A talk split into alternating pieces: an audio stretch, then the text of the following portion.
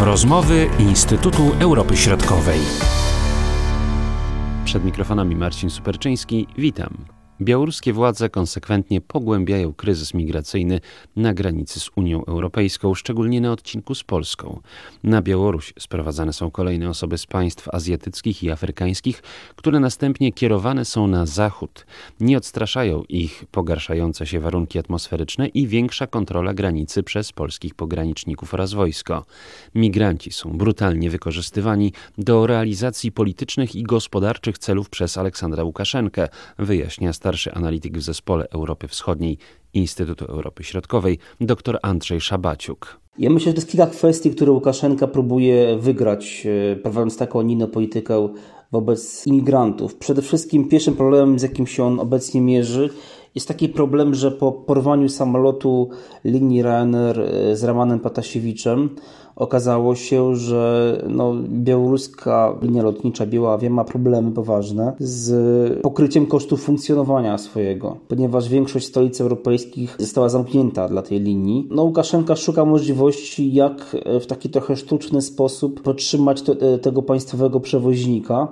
No i tutaj ten pomysł na w cudzysłowie turystów z Bliskiego Wschodu, z Afryki, którzy przecież płacą za, za przelot samolotem, e, na wycieczki w cudzysłowie oczywiście do Białorusi. Jest to jakiś taki tymczasowy sposób, który pozwoli reżimowi Łukaszenki przeczekać, bo te propozycje, które wysunęła Federacja Rosyjska, aby ten kierunek wschodni uruchomić i, i zdecydować się na loty na przykład na Krym, no póki co Białoruś jednak widać e, no, woli tych ostateczności jednak e, nie wykorzystywać i szuka innych możliwości. Też ma świadomość tego, że te negocjacje, być może jakieś negocjacje z Unią Europejską w przyszłości będą prowadzone i taka zgoda na latanie Białawi na Krym na przykład byłaby takim poważnym argumentem przeciwko Białorusi w ewentualnych negocjacjach w przyszłości z Unią Europejską.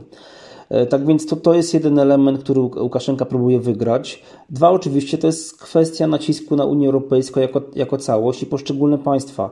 To przede wszystkim Litwa i Polska. Łukaszenka liczył oczywiście, że forsowanie tej kwestii migracyjnej, zmuszanie, bo to osoby są przecież zmuszane do opuszczenia Białorusi, kilkaset osób jest w stanie zdestabilizować Unię Europejską i zmusić Polskę, przede wszystkim Litwę, do daleko idących ustępstw, a przede wszystkim może nie tyle do ustępstw, co zmiany polityki w tym aspekcie, że Polska nie będzie po pierwsze popierała opozycji białoruskiej, a po drugie będzie skłonna do pewnych negocjacji, tak? negocjacji w kontekście właśnie szczególnie tego ostatniego pakietu sankcji, bo jak wiemy, ten, ten pakiet zakładał sankcje sektorowe gospodarcze, które stopniowo będą jednak y, bardzo mocno uderzały w filary ekonomiczne reżimu Łukaszenki, co jest szczególnie niepokojące z punktu widzenia właśnie reżimu na Białorusi. Białoruskie władze konsekwentnie podkreślają, że sytuacja na granicy to wina Polski. Niestety wszystko wskazuje na to, że możemy się spodziewać wzrostu napięcia na granicy, dalszego wzrostu.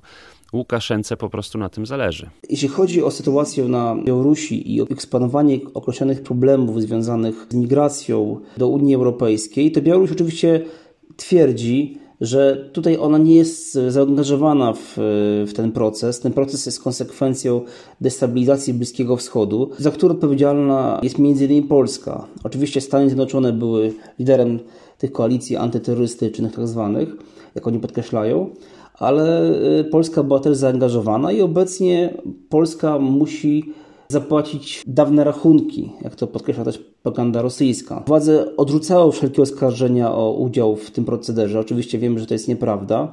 E, I one twierdzą, że, to, że cała odpowiedzialność za sytuację na granicy polsko-białoruskiej spada na stronę polską. Że to Polacy nie przestrzegają e, norm międzynarodowych, łamią prawo międzynarodowe i to oni dopuszczają się łamania praw człowieka. Nawet Łukaszenka sam twierdzi w ten sposób, że tutaj widzimy prawdziwą twarz demokracji w Polsce. Tak? Polska mówi o ochronie praw człowieka, Polska mówi o, o demokracji, a dopuszcza się e, takich brutalnych naruszeń na granicy e, polsko-białoruskiej.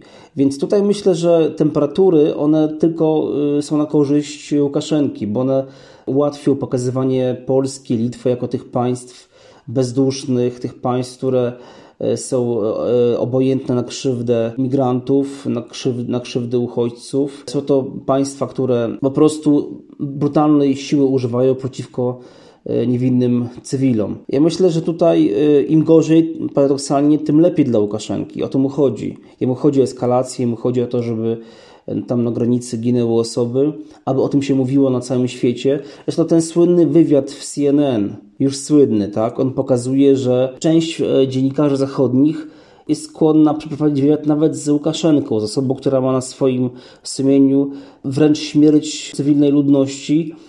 Wywiad, gdzie on pokazuje swoją programową wizję wydarzeń e, i sytuacji na granicy polsko-białoruskiej, więc to też jest niepokojące.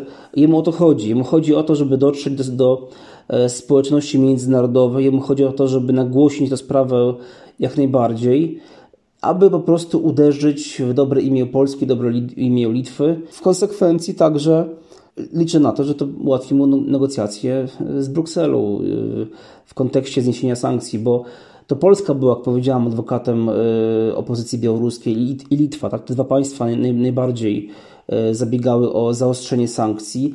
Nie wszystkie państwa były skłonne zaostrzyć owe sankcje. E, więc to jest pewna taka rozgrywka, która, którą prowadzi obecnie nie tylko sam, sam Łukaszenka, bo dodajmy, że Także Federacja Rosyjska wspiera Łukaszenkę w tych działaniach, bo te wszystkie jego argumenty, ta propaganda białoruska jest prezentowana przez m.in. Russia Today i inne kanały medialne rosyjskie to pokazuje, że, że tutaj mamy do czynienia z pewną taką, taką nagonką, można powiedzieć, wręcz na Polskę, Litwę ze strony Federacji Rosyjskiej i Białorusi. Niestety część mediów, i to nie tylko rosyjskich czy białoruskich, ale też zachodnich, wpisuje się w białoruski scenariusz i powiela tamten punkt widzenia i w ten sposób wspiera reżim. A jak ta sytuacja jest odbierana na samej Białorusi? Ja myślę, że większość młodych osób, które, ma, które mają dostęp do internetu, do niezależnych kanałów, e, Telegram, do Facebooka i tak dalej, one mają te wiadomości z pierwszej ręki. One wiedzą dokładnie, gdzie można znaleźć wiarygodne informacje. Potem dodajmy, część młodych osób e, no, służy na tej granicy. Tak? Y, trafiła w kamasze, po prostu mówiąc tak y, kolokwialnie i, i teraz tam y, pilnuje imigrantów i uchodźców, aby oni nie wrócili na Białoruś, bo to jest też kwestia no, kluczowa. O tym też warto powiedzieć, że mamy do czynienia też z takim wypychaniem tych osób z terytorium Białorusi pilnowaniem, aby oni, oni przypadkiem nie wrócili w głąb terytorium Białorusi.